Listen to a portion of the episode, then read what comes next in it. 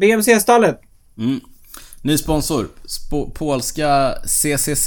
Det verkar vara skotillverkare. Ja, det kanske det är ja. Är det? Ja, jag tror jag läste det. Nej vad fan, CCC. jag tror att det är något... Jag trodde att det var ett... eh, Att det var... CCC, Shoes and Bags. Nej, det kan det inte vara. Jo. Nej. Jo. Nej, det kan inte vara dem. Jo. Nej. Jo, det är det fan. Ja, jag läste det någonstans. Och nu när jag googlar det så är det som också. Det är någon budget...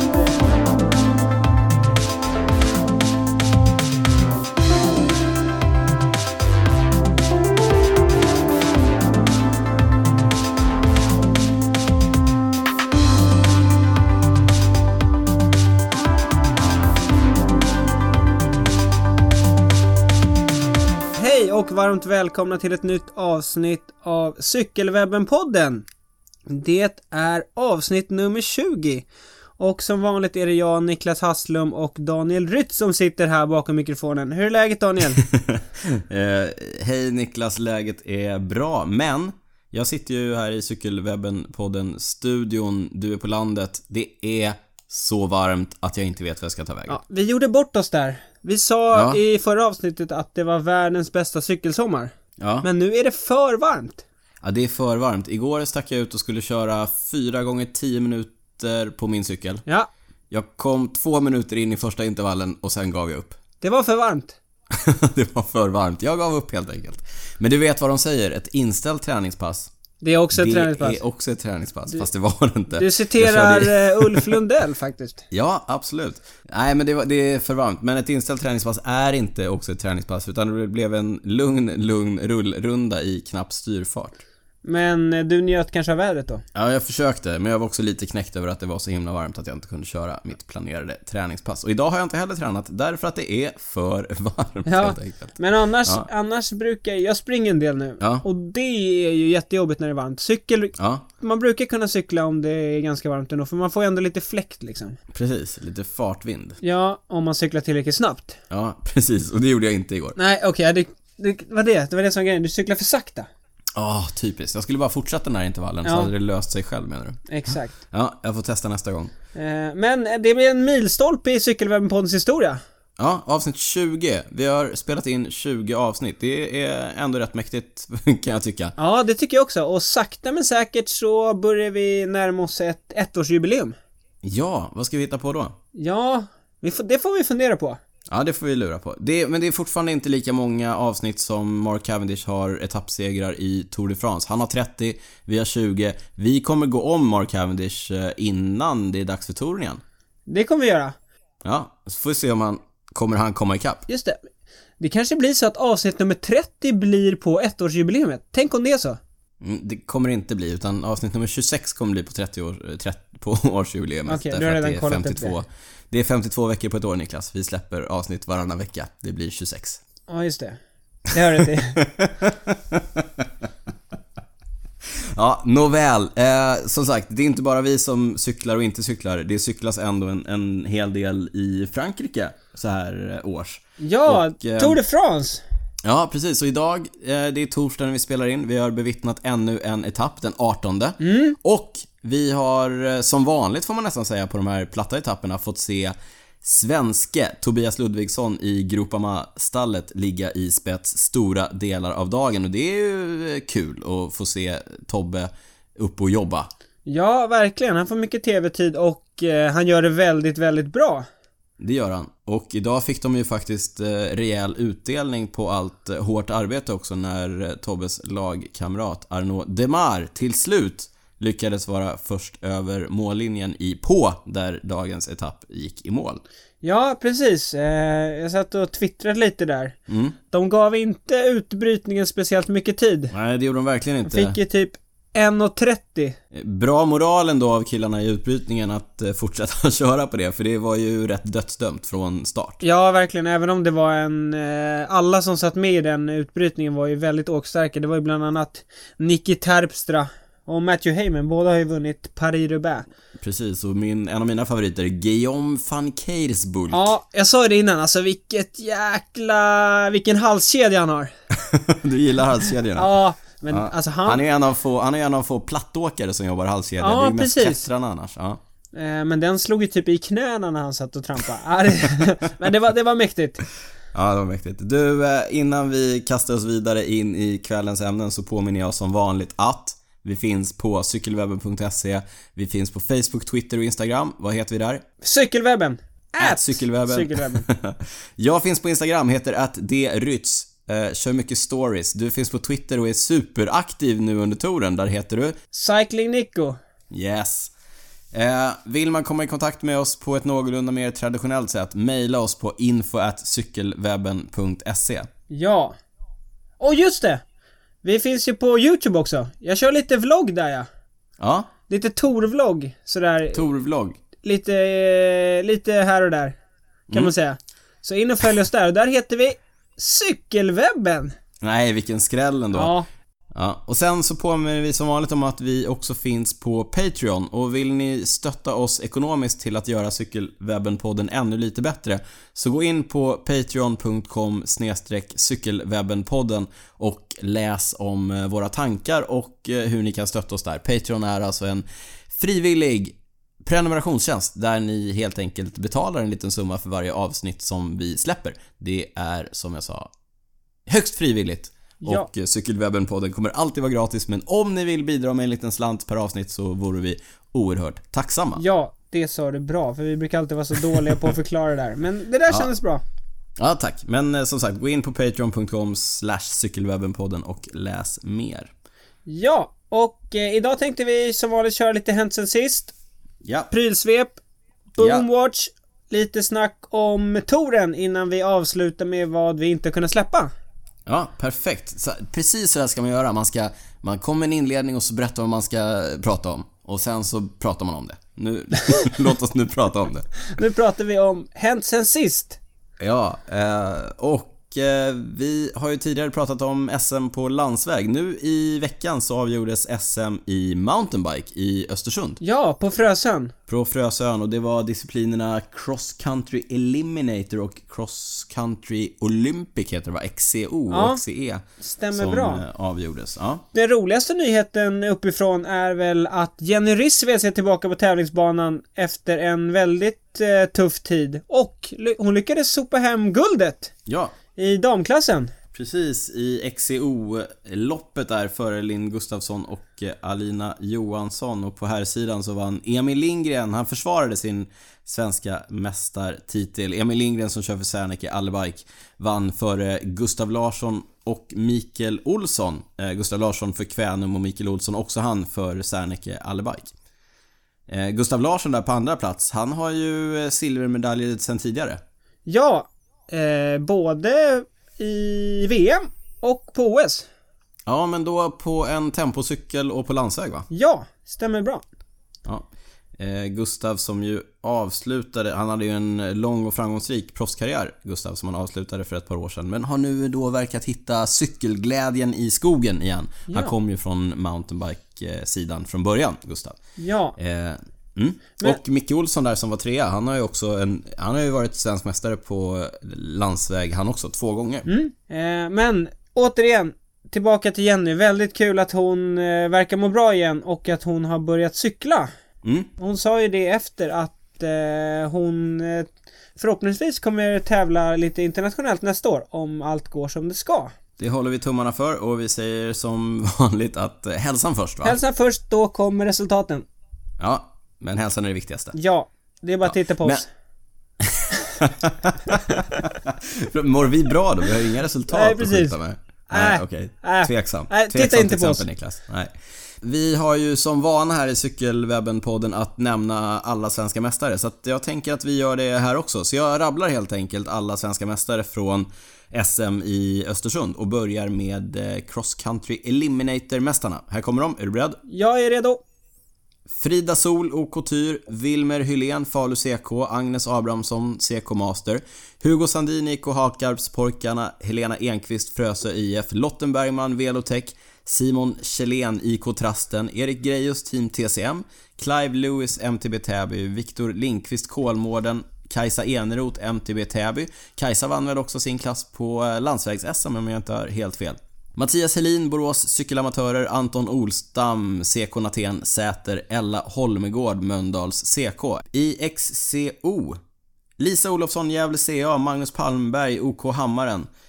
Anders Ljungberg, IK Hakarpspojkarna, Tommy Olsson, IFK Sala, Hugo Sandin, IKHP, Tilda Hylén, Falu CK, Anton Unger, Falu CK, Filippa Åberg, Borås CA, Viktor Lindqvist, Kolmården, Alva Kasterstedt, CK Naten Säter. I juniorklassen vann Vilgot Lind, Härnösand och Saga Molin, Varberg. Och i dam och herrklasserna så har vi ju redan sagt att Jenny Rissveds vann före Linn Gustafsson och Alina Johansson och Emil Lindgren plockade hem guldet före Gustav Larsson och Mikael Olsson. Det var alla svenska mästare i cross country-disciplinen i år Niklas. Bra jobbat av Tack. alla och stort grattis till Ja, alla... jag sa tack. Ja, Ja, du sa tack. Ja, men jag, jag, ja tack. Det var jobbigt att läsa upp ja, ja, jag förstår. Det är jättebra jobbat av dig. Tack. Eh, Men det vi kan säga, och det jag tror vi har sagt det tidigare, att eh, även nästa år så ska ju eh, SM i mountainbike gå upp i Östersund. Mm. Om Precis. inget oförutsett inträffar. det tror vi kanske inte att det gör. Nej! Eh, vidare till en annan tävling som har gått av stapeln sedan vi släppte senast. Eh, damernas eh, Tour, man kan ju inte riktigt kalla den Tour, men La Course by Tour de France. ASO, bolaget som arrangerar touren, försöker ju fortfarande hitta rätt format för ett damrace. Mm. Eh, och i år så, de har ju försökt lite olika grejer. De har ju kört ett eh, GP-lopp innan eh, sista etappen på Champs-Élysées. Förra året körde de någon eh, två dagars med en jaktstart och det ena och det andra. Det har funkat sådär. I år gjorde de det ganska enkelt för sig och jag tycker att det var bättre än, än vad vi har sett tidigare. De körde helt enkelt samma etapp som eh, herrarna gjorde, etapp nummer 10. Precis. Och eh, som vanligt när det är damrace så blev det riktigt, riktigt spännande, eller hur Niklas? Ja, det blev ju en eh, osannolik avslutning. Anna Ja. van der Breggen eh, attackerar ju innan, det var ju målgång utför. Nej, uppför. Nej, utför. De körde för, upp för ett eh, berg och sen var det utför och sen var det en liten knäppa på slutet. Ja, precis. Ja, ja. Alltså en pytteliten knäppa. Ja, ja. Eh, men eh, van der Breggen fick ju en lucka och bombade på utför. Mm. Annemiek van Vleuten jagade. Ja, Och det såg ju... Jag tror Anna van der Breggen hade runt 10 sekunder hela tiden och det kändes ju rätt givet att hon skulle hålla undan. Men på den sista knäppan där innan mål, då tog hon tvärslut.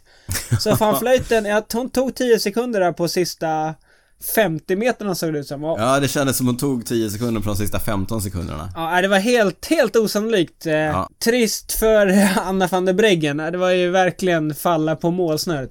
Ja, men verkligen. Och van Vleuten vann ju även förra året, så två i rad. Eh, La Course för henne. Och eh, som sagt, osannolikt. Vi försöker leta upp ett klipp som vi lägger upp på cykelwebben.se. Ja. En annan grej som vi, som vi lägger upp som också var en, en stor behållning tycker jag av eh, La Course, det var ju eh, intervjun efteråt av den danska cyklisten Cecilia Uttrup Ludvig. Eh, hon gav en oerhört känsloladdad intervju som jag tycker att ingen där ute ska missa, så att den lägger vi också upp. Eh, Cecilia körde eh, starkt för sitt lag och kom i mål utpumpad och som sagt känslosam. Kolla på den intervjun hörni, vi lägger upp en länk på cykelwebben.se. Ja, och vi pratar lite här om att ASO försöker hitta rätt format för damernas tour. Det är ju många som, eh, många röster som höjs om att kanske försöka göra damernas tour till ett etapplopp också. Och några som har ett etapplopp, det är ju damernas Giro d'Italia. Vi snackade om det förra avsnittet. De har ju ett etapplopp på 10 etapper. Och där vann Annemiek van Vleuten. Hon vann tre etapper och totalen. Före Ashley Moolman och Amanda Spratt. Så... Går bra för van Vleuten Ja, verkligen. Och tre etappsegrar. De körde bland annat den här uh, Sonkolan-stigningen. Som hon Mm. vann upp för. Som är brutaljobbig. Ja, Så, ja, hon har prickat formen kan man säga. verkligen. Hon verkar ju pricka formen mest hela tiden. Ja. Så kan man säga. Vi eh, går vidare. Ja, det händer ju inte så mycket nu när det är Tor va, så att det är mycket, mycket annat hamnar ju i skuggan av Toren. Mm. Eh, men vi har ju en, en återstående En programpunkt. återkommande, en återkommande pro- Å- programpunkt. Återkommande programpunkt som heter Boomwatch. Ja. Och den håller vi fast vid va? Ja, det gör vi. Jag återkommer till det Trots nu. kritik. Ja. Det har hänt två saker som har eh, Skakat om. Ja, skakat om Boomwatch. Dels har jag tappat min telefon i asfalten. Så hela min, eh, jag har en sån iPhone, så den är ju helt, det går inte att använda den. Vilket har gjort det ganska svårt att följa Lars den här senaste tiden. Ja, Nu ska jag säga att jag, faller helt på det här. Ja. jag är ute på landet så det är, det är inte jättemånga iPhone-reparatörer här i krokarna så att jag måste Nej. skicka iväg den där. Så att jag har inte fått iväg den än, så det, det har gjort det lite svårt att följa Lars. Mm, jag förstår. Och en annan grej som, eh, som har hänt. För första gången i eh, Boomwatch historia har vi fått lite kritik. Uff. Det var någon som hörde Jaha. av sig här på Twitter och tyckte att, eh, jag kommer inte ihåg vad han skrev, om de tyckte det började bli lite krystat med Boomwatch. Mm. Men, men, När, när han inte cyklar så mycket. ja precis. Men, Ja. men då, du och jag pratade lite om det där och så kom vi, kom vi ändå fram till att i med och motgång med Lars. Exakt, vi är ju inga kappvändare va? Nej. Utan här, går det bra så följer vi honom, går det dåligt så följer vi honom. Ja, om ni, vi, vi kollar in Lars hela tiden. ja. Eh, men apropå Lars, eftersom Mm. nu har vi inte kunnat följa honom, i alla fall inte jag. Nej. Men apropå Lars Boom och att han har ju en eh, tidigare karriär som eh, cykelcrossåkare och nu är han eh, lite av en endagsspecialist. Ja. I veckan så blev det ju klart att eh, en annan cykelcross-specialist, Wout van Aert, verkar skriva Mm. på för Lotto NL Jumbo, alltså Lars Booms lag. ja, så de kommer bli eh, stallkamrater, Lars och Wout helt enkelt. Två Ja. stycken eh, gamla, eller ja, Wout är ju inte gammal, men eh, Lars Bohm är också gammal världsmästare i cykelcross och det är ju även Wout van Aert. Ja, han är ju regerande. Precis. Då får vi hoppas att Lars Boom får ett nytt kontrakt här. Jag vet inte hur långt kontrakt de sitter på, men det verkar som att de kommer cykla ihop nästa år. Mm. Eh, Stort. Så det ska ju bli jättekul att se. Wout van Aert har ju varit jagad av i stort sett alla World Tour-lag. Han har ju verkligen visat framfötterna här under vårklassikerna. otrolig, verkligen otrolig talang, inte bara på i cykelcross där han har flera världsmästartitlar. Även eh, på landsvägscykling har han ju visat framfötterna. Han körde ju flera av vårklassikerna i år och var topp 10 på i stort sett allt han körde. Ja, Eh, och då körde han ju i ett lite mindre stall, Veranda Willems va? just det. Eh, Så, vilket gör det ännu mer imponerande. Exakt, trots ett mindre stall så har han alltså lyckats prestera. Det ska bli spännande att se vad han kan åstadkomma i Lotto Jumbo då, ett lite större lag. Och på tal om eh, Wout van Aert och cykelcross och så vidare. Vi måste ju nämna hans ärkerival, Mathieu van der Poel. Ja, Som, som ju dominerar eh, crossscenen och vinner världscupen hit och dit, men verkar ha svårt att vinna just VM som han överlåter till van Aert eh, nästan varje år. Men i veckan som gick så eh, vann däremot Van der Poel det eh, holländska mästerskapet i mountainbike eh, cross country. ja. Och det betyder att han just nu är regerande holländsk mästare i landsväg, cykelcross och mountainbike. Det är ändå ganska imponerande. Det är väldigt imponerande. Ja. Det är lite som, kommer du ihåg när Marianne Foss var det? Fast hon var världsmästare. Aha, och på bana också. Ja, Ja, Väldigt- snäppet värre. ja. Men ändå, man, man eh, imponeras av båda de här två unga herrarnas eh, mångsidighet. De är ju grymma. Riktigt kul att följa. Ja, eh, som sagt det verkar som, eh, van der Poel har vi sagt väldigt många gånger att han satsar ju på OS i Tokyo så att honom får vi nog inte se helt på eh, landsvägsscenen Riktigt ännu. förrän efter 2020. Nej. Han kör bara lite på skoj och vinner eh, holländska mästerskapen före liksom storproffsen. Ja. Nej, det är sjukt imponerande. Något annat som är sjukt imponerande Värmen! Värmen? Nej, men jag, jag tänkte gå in, jag kastar mig in i eh, veckans prylsvep och någonting som jag faktiskt är sjukt imponerad av. Ja. Vi har ju tidigare pratat lite grann om olika däckstyper. Vi pratade om tub och vi pratade om kanttråd och så pratade vi om tubeless. Och då tror jag att jag inte var så glad och nöjd med tubeless därför att jag har ju testat det tidigare och eh, som sagt då inte varit så nöjd. Jag har inte tyckt att det har varit ett eh, moget system riktigt. Jag har haft jätteproblem med att få det att funka med däck och slang, eller vad säger jag? Däck och hjul. Eh, inte slang så att säga, men däck och hjul. Eh, däremot så måste jag eventuellt eh, krypa till korset här. Jaha? Ja, och anledningen är den franska hjultillverkaren, klassiska franska hjultillverkaren Mavic. Du vet de här illgula, de eh, står ju bland annat för den neutrala servicen på touren. Ja, det var ju sån eh, cykel som... Eh, Chris Froome hade när han sprang upp för Mount. Ventoux. Ja, ja, ja, ja. Han fick en, han fick en eh, neutral cykel från Ja. Mavic-bilen där förra året. Ja. Nej men Mavic är ju, eh, de är ju kända för sina hjul. De har byggt hjul i över 100 år och är riktigt, riktigt bra på det. Nu har de gett sig in i tubeless-träsket. Ja, Och de har gjort det riktigt, riktigt bra. Jag har ju kört då med ett, eh, ett Mavic-system i år med deras komethjul och Yxion-däck tror jag de heter. Och eh, testat att köra dem tubeless, även om jag var skeptisk. Jag ville inte göra det. Men sen, sen eh, testade jag ändå. Och, hör och häpna, det funkar så fruktansvärt bra. kul! Ja, riktigt kul. Eh, Mavic har alltså... Det de har gjort är att de har tagit ett helhetsgrepp på både däck och hjul för att se till att eh, toleranserna däremellan är så exakta som möjligt och det gör att Ja men helt enkelt däcken och hjulen passar väldigt, väldigt bra ihop vilket gör det här att eh, Det här problemet som man annars kan ha Att eh, pumpa upp däcken så att de sitter som de ska på fälgen Ja. är helt eliminerat. Det funkar hur bra som helst. Jag har, eh, det funkade direkt när jag testade med en vanlig golvpump. Man behöver inte ha någon sån kompressor som man annars kan behöva. Nej. Eh, Utan det var helt enkelt bara att plocka ur stangen och eh, pumpa upp och det funkar hur bra som helst. Kul! Eh, Ja, riktigt imponerande. Jag har kört det nu i ett par månader. Inte haft några problem. Haft en punka. Den tätade sig själv med sån här tätningsvätska som man har i. Ja, härligt. Men eh, ja, funkar som sagt superbra. Mycket imponerad. Och som sagt, problemet då som Mavic tidigare har sett är att eh, hjultillverkarna har gjort sin grej, däckstillverkarna har gjort sin grej. Båda två har säkert varit bra på sin kant.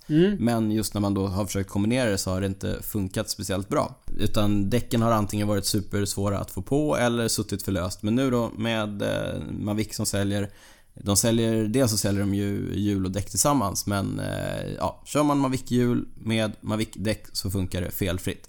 Jag kan också skvallra om att jag har testat med eh, Mavic-hjul och eh, däck från en annan tillverkare och det har också funkat eh, Jaha. utan några som helst Ja. problem. Ja. Det är bra. Så att eh, jag, eh, nu kommer jag säkert jinxa det här för mig själv och så kommer det paja nästa gång jag är ute och cyklar. Men eh, jag är faktiskt lite nyfrälst vad gäller tubeless. Men i eh, det här läget så är jag bara nyfrälst vad gäller Mavics system.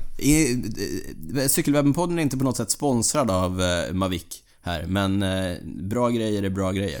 Ja, de förtjänar att eh, nämnas.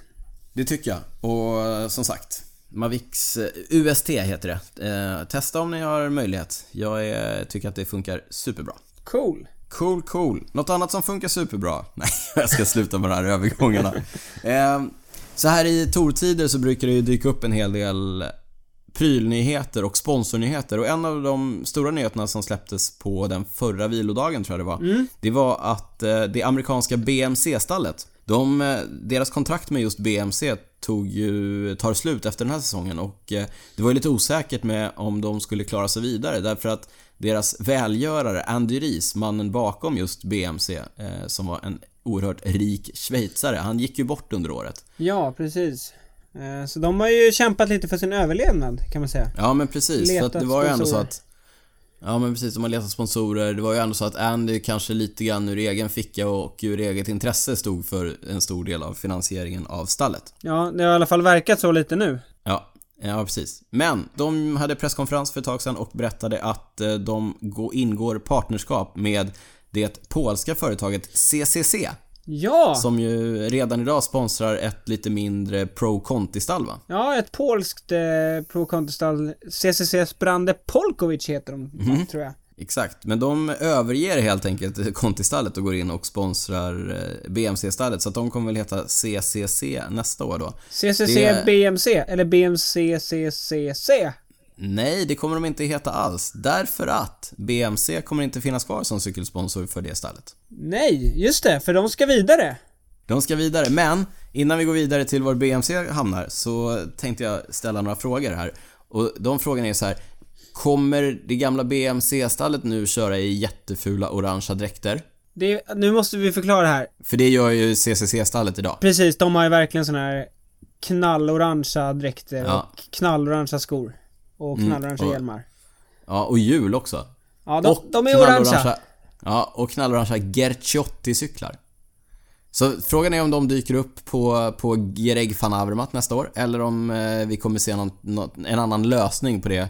Jag säger nu problemet. Eh, men kul att du sa det. Greg van Avermaet, det var ju en del av eh, den presskonferensen, att han har kritat på. Mm. Det har ju ryktats väldigt mycket kring honom. Men han, han stannar alltså kvar. Ja, Greg, en av stallets stora stjärnor, stannar alltså kvar. Någon som då inte stannar kvar, som jag var inne på där, det var ju just eh, cyklarna va? BMC-cyklarna. De kommer inte att eh, köra på dem nästa år, utan BMC går vidare och eh, kommer istället att sponsra Dimension Datastallet. Ja, precis. De byter bort sina Cervelo-hojar. Precis, eh, lite rockad där. Vi får se var Cervelo hamnar. Det, har, du, eh, har du sett några rykten om det? Jag har för mig att jag nämnt det. Det ryktades väl om eh, Sunweb va? Om jag inte Mhm, missminner ja. mig. Jag, Ja, jag kan ha fel, men jag har för mig att jag... Att jag Vi har... sprider rykten. Ja, precis. Ja. ja, återstår att se var de, var de landar någonstans. Eh, lite andra cykelnyheter. Ridley, vi har ju pratat tidigare om massor av nya aero-racers som har dykt upp på marknaden och i klungan. Ridley, det belgiska företaget, vill inte vara sämre. De kommer med en ny version av sin Noah. Den heter Noah Fast. Noah fast, too fast, too too furious. fast. ja, och eh, lyssna här. Det är, den, den är alltså lättare, Ja. den är styvare Ja. och den är mer aero än sin föregångare. Wow, Vem hade kunnat gissa? vilken grej. Ja, vilken grej. den kommer också naturligtvis i en skivbromsversion, Såklart. såklart. Nej, men den ser bra ut. Den ser eh, snabb ut. Den har också så här integrerat styre styrstam. Det tycker vi ju eh, olika om. Ibland bra, ibland dåligt. Ja, när det passar är jättebra. När det inte Ja. passar, jättedåligt. Eh, Trek, vi pratade om Trek förra veckan, förra gången. De kom med sin nya version av sin Madon Aero Racer. Nu eh, såg jag precis att de släpper en ny aluminiumversion av sin klättrarhoj Emonda. Emonda är ju deras superlätta eh, cykel för eh, bergsetapperna och för Just de här tre veckors cyklisterna. Alberto Contadors favoritmodell. Mm. Mm. Eh, aluminiumversion, lite billigare, lite enklare. Eh, den kommer lite olika versioner med lite enklare spes. Men det jag tycker är eh, spännande här, det är att det är en aluminiumram som väger ungefär 1100 gram, eh, ramen.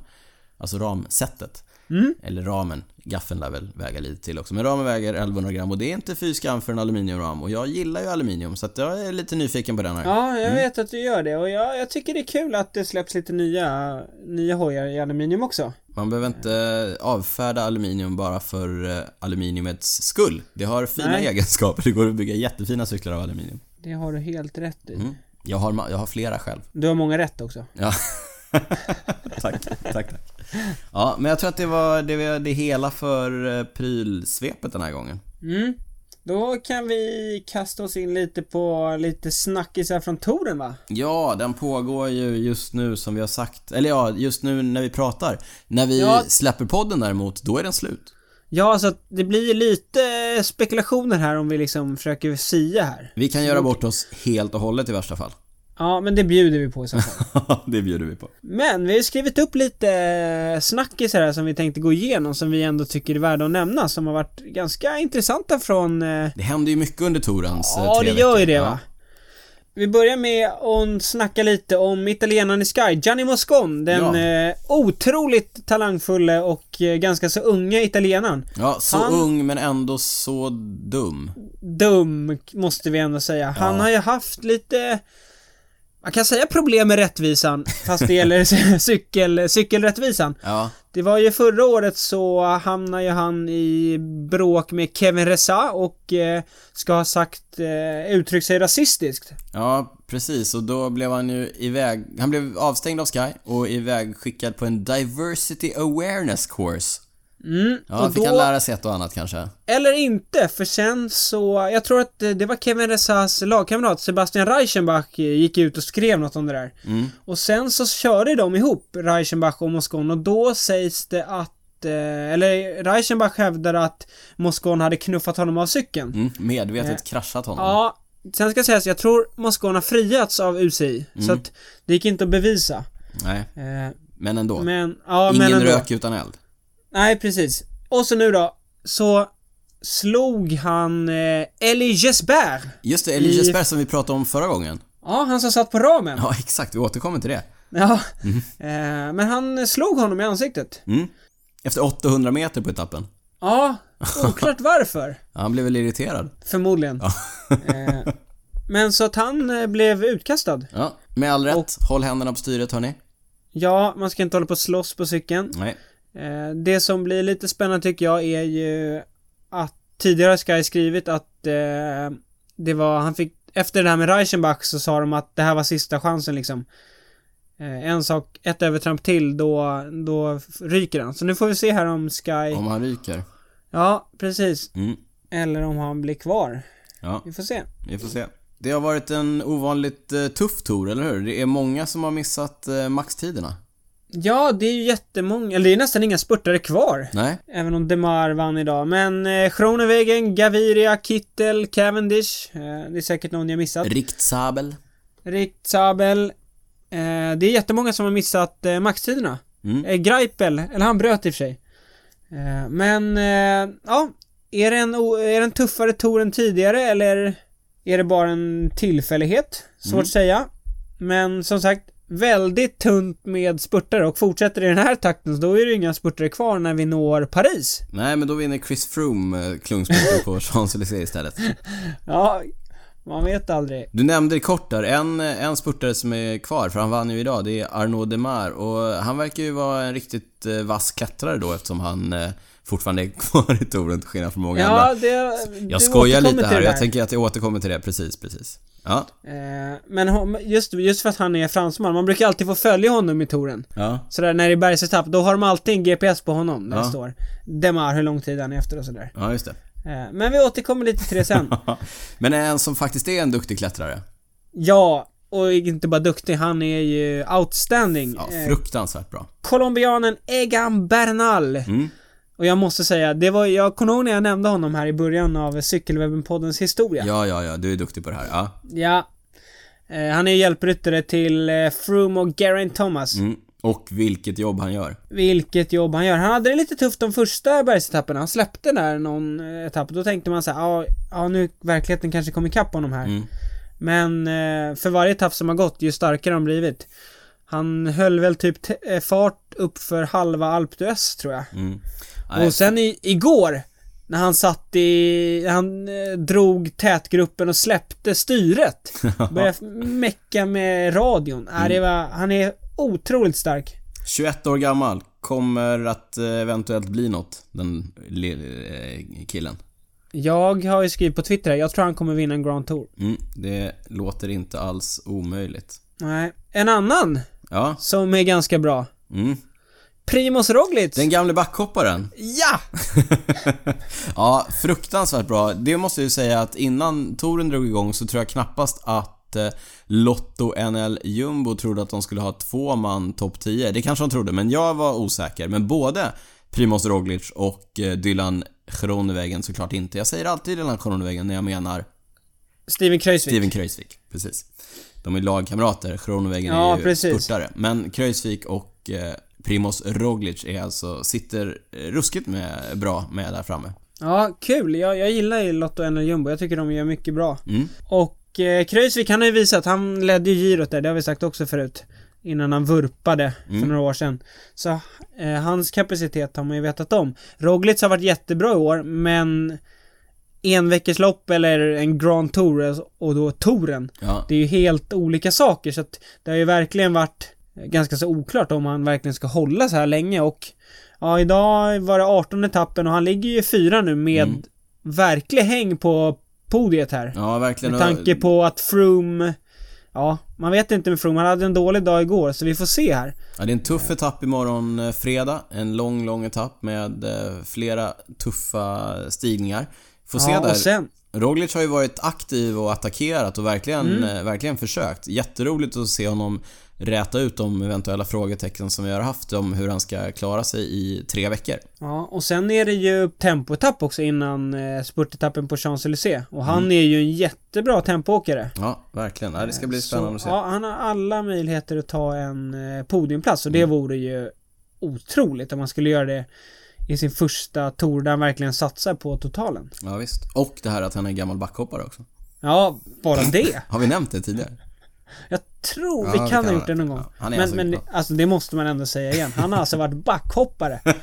Han har, alltså, han har inte varit, han har ju varit, han en juniorvärldsmästare som, han har varit juniorvärldsmästare i backhoppning. Så att det är inte bara så Ja. att han har hållit på att hoppa lite. Nej. Men han började cykla 2012, det kanske vi har sagt. Och det har gått ganska så snabbt. Ja, det är ganska bra gjort. Du snackade om att du hade lyssnat på Lance Armstrong. Ja, han gnällde ju på det här med det som de kallar för supertuck. Alltså sitta på, på ramen utför Ja, för att eh, få lite ja. extra fart. Krypa ner på överröret. Ja, och jag sa, ge fan i det. Jag använde, jag använde vuxenspråk. Och, och, och sa, gör inte det för allt Mm. i världen. Och jag måste väl bara säga det att jag har fått ganska mycket vatten på min kvarn sen vi släppte det förra avsnittet. Därför att då hade ju Elie Jesper vurpat eh, Just det, han körde rakt ut i gräset. rätt ut i vegetationen va. Och eh, sen dess så är det ju flera som har eh, liksom råkat ut för samma sak. Philippe Gilbert, nu var han inte liksom i den positionen när han väl vurpade, men just det här att han han höll Han ju var på, det innan. Ja, han höll ju på där i utförsörjningen innan han, han vurpade ut för en mur. Det såg ut att gå hur illa som helst, men han, han klarade ju sig relativt bra där, Gilbert. Men, Ja, han tog sig i mål till och med. Ja, imponerande det också. Men han var ju också nere på ramen och härjade och jag tror ju det att man får ju, du får ju helt andra hastigheter än vad, än vad du får när du sitter på sadeln och du tappar lite kontroll. Så han kom ju fel in i den där kurvan Japp. eh, som han missade helt och sen rakt ut över eh, den här muren. Vi har ju sett att eh, Peter Sagan trivs ju där på överröret. Han vann ju när han vann VM i Richmond så tror jag att det var mycket tack vare att han var så snabb utför. Då satt han ju på överröret och trampade. Ja. Eh, de- den segern vill han ju inte byta bort såklart mot att sitta på sadeln. Men han vurpade också rätt hårt igår på den eh, 17 etappen i en av utförskörningarna och nu har vi inte sett några bilder. Men jag håller inte för helt otroligt att han satt där på överröret och höll på va? Vi spekulerar, vi Ja, sprider vi rykten. spekulerar spekulerar. Eh, den brittiska supertalangen Ben Tullett som både är cykelcrossåkare och eh, landsvägscyklist. Han eh, instagrammade ut en bild på sig själv när han satt helt uppskrapad och eh, på sjukhus i, i rullstol. Nu tror jag inte att han satt i rullstol, men han satt i rullstol på bilden. Ja. Eh, där han också skrev i bildtexten att eh, han och hela tätgruppen hade blivit utkraschade av någon i den gruppen som också hade suttit på överröret. Det var... Se där. Ja, eh, så he, det var typ hela hans lag hade suttit med i den där gruppen och alla hade fått bryta och åka till sjukhus istället för att någon tyckte att de skulle åka lite extra fort utför.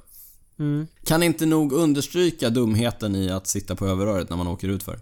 Nej, lyssna på podden så vet ni det. Ja, precis. En, en rolig grej där med Sagan. Jag Ja. såg eh, ett annat klipp när han gjorde så. Mm. Från touren. Och då var det någon, eh, han kom bakifrån i klungan. Så var det någon i Bahrain Merida tror jag att det var som eh, Lättade på Körde trycket. Ja, lätta på trycket längs kanten, men Sagan kom i sån hög fart då. Ja. Så han, och han såg inte riktigt, så han körde liksom på utsidan av den killen. Ja, Och det såg ut som att han fick lite av den vätskan i ansiktet. ja, eh, ja. Ännu en anledning till att inte sitta på Ja. överröret. Precis. Ja. Det är inte bara vi som tycker att det här är en dum idé, eller inte bara vi och Lance Armstrong. Eh, Dan Martin, Ja, eh, irländaren, den attackvilliga irländaren, ni vet han med, eh, ja, med dragkedjeslös cykeltröja. precis. Men bra, innan du bara säger det här. Mm. Vi måste ge lite kudos till Dan Martin. Han attackerar ju på var och varannan etapp nu. Det gör han. Ja, han, har, han verkar ha kul där ute. Ja. Men åter till eh, Dan Martin. Dan Martin har ju twittrat om det här med att sitta på överröret. Han säger “Dear UCI Cycling, how about we think about banning this new descending technique of sitting on the top tube? Pro riders may have the skills, but how many kids at home will endanger themselves attempting to imitate what they see on TV?” Alltså, hörni UCI, ska vi inte ta och förbjuda det här? Eh, vi proffs kanske klarar av det, men eh, kidsen där hemma, de vill ju vara som vi proffs. Och jag kan ju säga det, Dan Martin, det är inte bara kids, det är också gamla gubbar som vill vara som proffsen på TV. Och det är livsfarligt. Så att, eh, igen, jag är ledsen att jag är en sur gammal gubbe som bara upprepar det här. Ge fan i det där. Ja, vi får se om eh, UCI gör något åt det. Mm. Jag tror att det blir svårt att eh, göra något åt, men men. Men vi drar vårt strå till stacken i alla fall. Ja. Eh, vi har ju snackat om den här korta etappen. Mm. Väldigt mycket ska vi säga. Vi har ju verkligen snackat upp den. Eh, dels är den ju bara, eller den kördes ju igår. Mm. 65 km, tre berg och det var även en sån här Formel 1 start. Man Ja. startar hur man låg i totalen. Vi kan ju börja med att snacka lite om starten. Det blev ju lite av ett fiasko kan man säga, va? Ja, det måste man ändå säga. Det, eller det blev, det blev ingenting. Nej, alla rullade iväg som man Som gör vanligt. alltid. Ja. Ja. Men sen så blev det ändå bra körning. ja, det blev det. Men vad tycker vi om det här formatet då? Ah, jag, det var, jag tyckte det var kul att testa. Det blev inte riktigt så hård körning som jag tror att alla hade förväntat sig. Jag tror att cyklisterna själva var ganska rädda för det och därför vågar de kanske inte köra riktigt så hårt som de kanske hade kunnat annars. Det, det var, jag tror att de hade ganska mycket respekt för att om vi gasar på allt vi kan i 65 km så kommer det att bli stenhårt. Men det blev, det kändes som att det blev ganska hårt första två bergen och sen som vanligt jättehårt sista bergen och där var det liksom topp 10 som körde om det.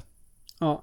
Eh, jag håller med. När man tänker 65 km då känns det ju rätt kort men just som vi sa, det var ju tre ganska så tuffa berg och sista, sista stigningen tog ju 40 minuter så att jag tror, precis som du säger, de hade nog väldigt mycket respekt för bansträckningen också vilket, vilket gjorde att ingen vågade attackera. Men det var ju det man hade hoppats på. Man Ja. hade hoppats på att det skulle vara liksom pang-pang direkt från start.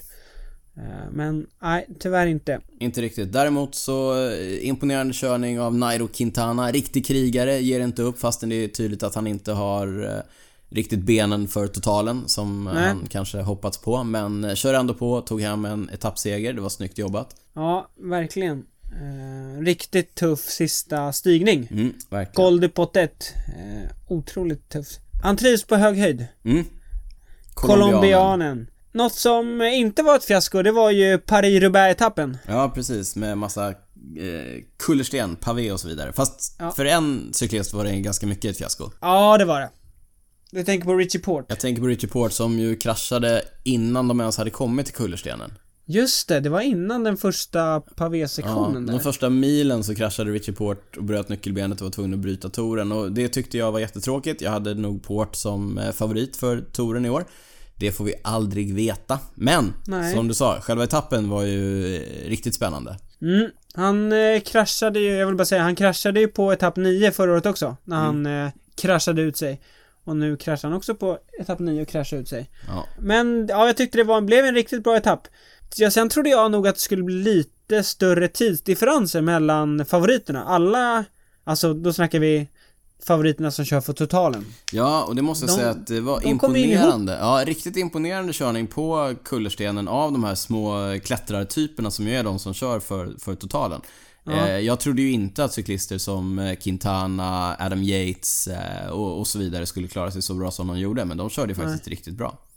Ja, en sak jag, jag satt och funderade lite på det där. Jag tror en, en anledning till att det inte blev så stora tidsdifferenser, det var ju att många av de här riktiga kullerstensspecialisterna, de hade ju uppgift att guida sina kaptener. Ja, precis. Som Matthew Stefan. Marke, ja. Oliver Nasen, Mm. ja, Matthew Heyman och de där. Så hade de gått upp och bombat liksom i front, då tror jag det hade spruckit upp ännu mer över pavésektionerna. Ja, det hade sett lite annorlunda Det var väl egentligen bara, det var ju på slutet där när, eh, vilka var det nu som kom iväg? Degenkolb, Stöyven och eh, van Avermaet. Så det var väl egentligen de utav enda specialisterna som hade fria händer att Ja, köra. precis. Men som vanligt så höjs det alltid lite röster efter att Kullersten inte ska vara med på touren och sådär. Men det tycker inte jag. Jag tycker att det är ett, det är ett roligt inslag. Det ska absolut inte vara med varje år men var tredje, var fjärde tycker jag att det är ett väldigt roligt inslag. Det är, en del av, det är en del av sporten och jag tycker att eh, precis som man måste vara duktig på att köra ut för man måste vara duktig på att hantera cykeln. eh, De här Grand Toursen, tre veckors etapploppen, jag tycker att det ska vara ett ordentligt test för cyklisters allsidighet. Så att på så sätt så tycker jag absolut att eh, de här, den typen av etapper har sin plats i touren lite då och då. Ja. Ja. Någon som är, någon som är skicklig på cykeln? Ja! Skicklig uppför. Skicklig uppför, skicklig utför. Julian Alaphilippe. Quickstep fortsätter ta etappsegrar. Ja, eh, och Alaphilippe gör det på ett eh, makalöst eh, snyggt sätt måste jag ändå säga. Ja, han har två etappsegrar nu och han har även säkrat bergatröjan. Mm. Men en rolig grej. Ja, Han, han påminner ju väldigt mycket om Thomas Vauclair. ja, Han har ju massa, han är ju sprättig på cykeln och håller på att fixa saker och... han har lite maner för sig. Ja. Ja, hela tiden är det Ja. små saker. Men en rolig grej, det var ju hans sportdirektör Brian Holm. Ja, Han twittrade ju ut här efter etappen som Alaphilippe vann när Adam Yates vurpade. Ja, vi måste, ju måla Yates- upp, vi måste ju måla upp scenariot här. Adam Yates hade ju attackerat upp för, för sista eh, backen här i Ja, häromdagen exakt. igen. Och sen var det utförkörning. Och eh, Alaphilippe eh, jagade Yates i utförkörningen och eh, då hände det här. Han vurpar i en kurva. Adam Yates, ja. Um, Alaphilippe var väl en 10 sekunder bakom, kommer ikapp och så ser man att han tittar bak lite så här. Han vet inte riktigt vad han ska göra. Men då skrev ju Brian Holm det sen. Att Alaphilippe hade ju ropat i radion och sagt att han, jag väntar. Jag väntar in Adam Yates. Det är sport, det är sportsligt. Det är det sportsliga att göra. Ja, men då hade väl eh, Brian Holm direkt skrip, skrikit liksom, varför då? Det var bara att köra. Kör! och då så här, tycker du? Tycker jag ska, tycker jag ska köra eller vänta? Kör för fan! och Brian Holm kanske Ja. i lite mer eh, färg, färgglatt språk än vad, än vad vi förmedlar Ja. här. Ja. Han är ju dansk. Exakt. Brian Holm. Han är inte så politiskt korrekt heller. Nej. Men eh, du kan väl leta upp de där tweetsen så lägger vi upp dem på cykelwebben.se. Men eh, till slut så körde ju alla Filip och eh, tog hem eh, segern där också va? Ja, eh, och det man ska säga om Alaphilippe, alltså vilken kapacitet han har. Det krävs ju ganska mycket att vara med liksom. Han är ju utbrytning var och varannan dag och liksom s- sprätter till och ja, nej. Otroligt eh, häftigt att se. Mm. Ska bli kul att se när han väl gör en satsning på totalen. Precis, han är ju en riktigt duktig endags eh. Och nu visar det sig att han verkar ju ha återhämtningskapaciteten för att köra tre veckors lopp också. Så om han gör en ordentlig satsning, precis som du säger, kan eh, vi får se hur det går. Ja, precis. Eh, Vi avslutar vårt eh, lilla Torsvep. tor, torsvep här med att snacka lite om ledaren i Tour de France, Geraint Thomas. Mm. Och vi ska oss på den vågade gissningen här och säga att det ser ju verkligen ut som att Geraint Thomas kommer ta hem touren. Ja, han har sett ruskigt stark ut. Han har inte gjort någonting fel sen eh, touren drog igång egentligen. Och eh, ingenting talar väl för att han kommer ha en... Han har ju alltid haft en dålig dag. Nu är det egentligen bara en dag kvar så man kan ha en dag, dålig dag på det är imorgon fredag. Men jag tror att han håller. Ja, jag tror också det. Imorgon är det ju en tuff bergsetapp, sen är det tempo och han är ju en väldigt duktig tempoåkare. Mm. Eh, och sen har vi snackat om det. Sista etappen är ju mer av en uppvisningsetapp. Ja. Eh, så håller han imorgon så tar han den gula ledtröjan och det tror vi han kommer göra. Ja, det tror vi. Han är ju jagad i och för sig av en eh, kanske ännu vassare tempoåkare, Tom Dumoulin som ligger på andra plats och av sin egen lagkamrat Chris Froome som ju också är en duktig tempoåkare. All, eller alla som ligger, både Froome, Dumoulin och eh, Roglic som ligger fyra. Ja. Hela gänget är ju riktigt duktiga tempoåkare så att ingenting är ju klart. Nej, det är 31 km tempo tror jag, men han leder ju med 1.59 över Dumoulin som ligger tvåa, så att med tanke på hur bra Thomas är på tempo så ska det ju inte vara... Nej, det ska ganska mycket till om det ska... Ja, verkligen. ska han ska nästan behöva vurpa. Men häftigt att det går så bra för Thomas. Han har ju, som du säger, han har ju sett... Han, han har inte visat svaghet någon gång. Nej. Walesaren Geraint Thomas. Vi får se om vi får en ny Torvinnare på söndag eftermiddag eller om eh, Dumoulin eller kanske Froome lyckas utmana till slut. Ja, och avslutningsvis, om Geraint Thomas vinner, jag, då blir det ju Team Skys sjätte seger i touren på de senaste sju åren. Ja, de är dominanta britterna. Något som publiken i Frankrike inte riktigt verkar uppskatta. Något som jag tycker är rätt tråkigt att se, men vad ska man göra? Ja, bara innan vi släpper det där igen. Eh, Såg du han som försökte välta Geraint Thomas Ja, det på är helt upploppet? sjukt. Ja. Helt sjukt. Helt sjukt. Eh, på några, av- no, några av tapperna har vi faktiskt sett eh, gendarmeriet i Frankrike arrestera folk som har försökt eh, fysiskt knuffa Froome av cykeln och sådana grejer. Och sen igår så såg vi då bilder, precis som du säger, någon som försökte välta omkull Geraint Thomas när han attackerade den sista biten. Nej, det är, jag tycker det är sjukt tråkigt eh, att det ska vara så, men eh, det är väl svårt att göra någonting åt. Ja, det är en av eh, både fördelar och nackdelar med cykelsporten, att det går att komma så nära cyklisterna. Precis. Men ja, det gör också att idioterna kommer väldigt nära också. Ja, så är det. Du, eh, vi rundar av Torsvepet och påminner om att vi som vanligt finns på cykelwebben.se. Där lägger vi upp länkar, klipp, bilder och så vidare. om sånt som vi har snackat om under avsnittet. Vi finns på Facebook, Twitter och Instagram. Vi har inte varit superaktiva nu under sommaren, det är semestertider, även på våra sociala kanaler. Men vi finns där och vi heter cykelwebben. Jag finns på Instagram, heter attdrytz. Du finns på Twitter, heter cyclingnico. Och vi det går alltid att mejla till oss på info.cykelwebben.se. Vill ni stötta oss ekonomiskt så gå in på patreon.com cykelwebbenpodden och läs mer om hur ni kan göra det där. Yes! Och innan vi avslutar, Niklas, vad har du inte kunnat släppa sen sist? Ja, i dessa tortider så är det ofrånkomligt att välja något som har med toren att göra, i alla fall för mig. Eh, och en grej som eh, har eh, fastnat hos mig, mm. det är John Degenkolbs tårar. Eh, tysken i eh, Trek vann ju Paris-Roubaix-etappen. Och i segerintervjun så grät han ju. Och mm. anledningen till det, det var, eller det är ju att John Degenkolb var med om, tillsammans med ett gäng lagkamrater, när han körde i, då hette han väl Giant Alpecin om jag ja, inte missminner mig. Ja, precis. Eh, de var ju på träningsläger på våren mm. i Kalpe. Ja. Och tränade och om jag kommer ihåg rätt nu, då var det en brittisk dam som kom över på fel sida vägen med sin bil. Mm. Och körde in i dem. Eh, ja.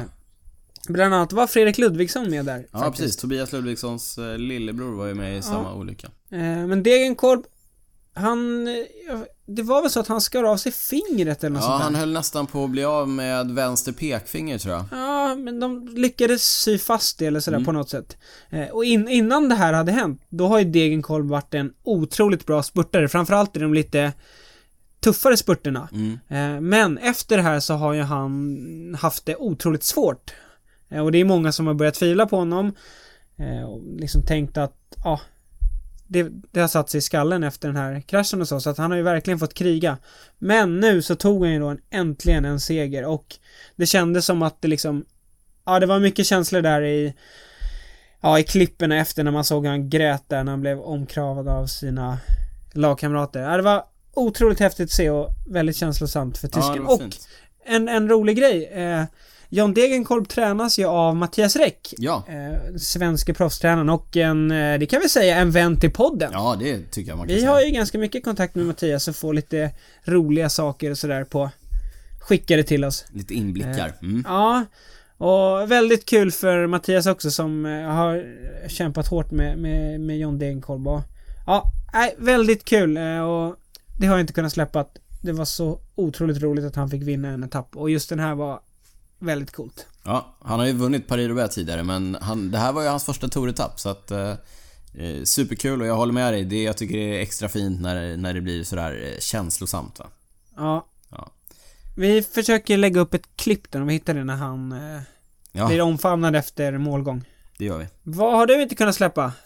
Ja, jag har inte kommit på någonting riktigt som jag inte har kunnat släppa. Däremot så, den här grejen, vi har ju pratat lite grann om Arnaud Demar.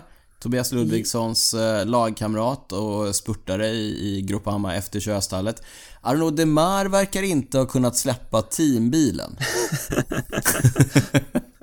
ja, vi ska inte, vi, vi har redan ägnat oss åt eh, ryktesspridning här i, i Cykelwebben-podden, men du sa ju det tidigare, det är jättemånga spurtare som har missat maxtiderna, det är många som, det har, varit, det har verkat varit en riktigt tuff tour. Eh, spurtarna har haft det tufft, men Arnaud Demar hanging in there, liksom. Men, Vad kan man säga? Hanging in there, bokstavligt talat verkar det som. Äh, det, snackas, det snackas en del i, i klungan om att eh, det kanske inte alltid går helt rätt till när Arnaud Demar tar sig igenom de här tuffa bergsetapperna. Nej, det ska sägas att eh, Arnaud Demar vann ju Milano Sanremo för några år sedan. Mm. Och då ryktades det om att han höll i teambilen uppför... Eh, Cipressa. Det var inte Poggio, det var... Cipressa. Cipressa. Ja. Cipressa var det. Ja. Och det är så igen, vi har ingen rök utan eld kanske, men vi vet ju absolut ingenting om det här. Men eh, till exempel André Greipel, han twittrade om det häromdagen, vi kan lägga upp de tweetsen också. Men sen fick ju Greipel krypa till korset och be om ursäkt så att jag vet ingenting om det här. Eh, Nej, precis. Men, ja, jag vet inte riktigt hur man ska tolka det. Nej, Greipel skrev något, han anklagade Demar för att Han hade kollat på den här GPS-grejen. Ja, Den här precis. Tour Tracker och, Mm. och då tyckte att det var konstigt. Jag, jag tror han skrev att Demar bara tappade nio minuter på sista stigningen mot Quintana och att det var helt osannolikt och sådär. Ja. Men då, då svarade Demar med att ja men det var kommissarier runt mig hela tiden och jag skickar gärna mina eh, filer så kan du kolla på dem för du verkar vara en expert och sådär. men, sen, men sen då gick väl eh, Greipel ut och bad om ursäkt. Bad om ursäkt, ja. Ja, vi, vi, så- hoppas, vi hoppas naturligtvis att det inte är något eh, eh, fuffens där. Eh, men eh, det, det, det, det ryktas kanske lite väl mycket. Ja, det var ju kul. Greipel avslutade sin tweet med Lesson learned, don't tweet about shit you're not part of. Ja. men här sitter vi och poddar om shit vi inte ens är i Ja, närheten av. Men, eh, men, men, men. Ska vi sluta göra det och eh, vi släpper det här med Demar och eh, teambilen och gratulerar honom till eh, segern idag och skickar också ett stort, stort grattis till Tobias Ludvigsson som ändå får sägas vara en stor del av den segern. Ja, som de har slitit då i, i efterkid. De Ja. har ju verkligen krigat på varje spurtetapp. Och nu de. fick de äntligen en eh, etappseger här. Sjukt imponerande jobb av Tobbe. Kul att Demar äntligen fick till det. Kul att ni vill lyssna på oss och eh, stort tack för att ni hängde med oss på vårt 20 avsnitt. Niklas, jag eh, tror att vi inte har så mycket annat att göra än att tacka för den här gången och rulla gingen va? Det låter som att du har helt rätt i. Ja, då kör vi på det. Vi säger au revoir, Wow. kära vänner och eh, hoppas innerligt att vi inte har gjort bort oss med vårt tippande av touren inför Nej, eh, precis. söndagen. Då får vi, då får vi klippa på söndag, fort som tusan. Ciao, ciao hörni. Vi hörs. Ja, ha det så bra. Ciao, ciao! Hej då!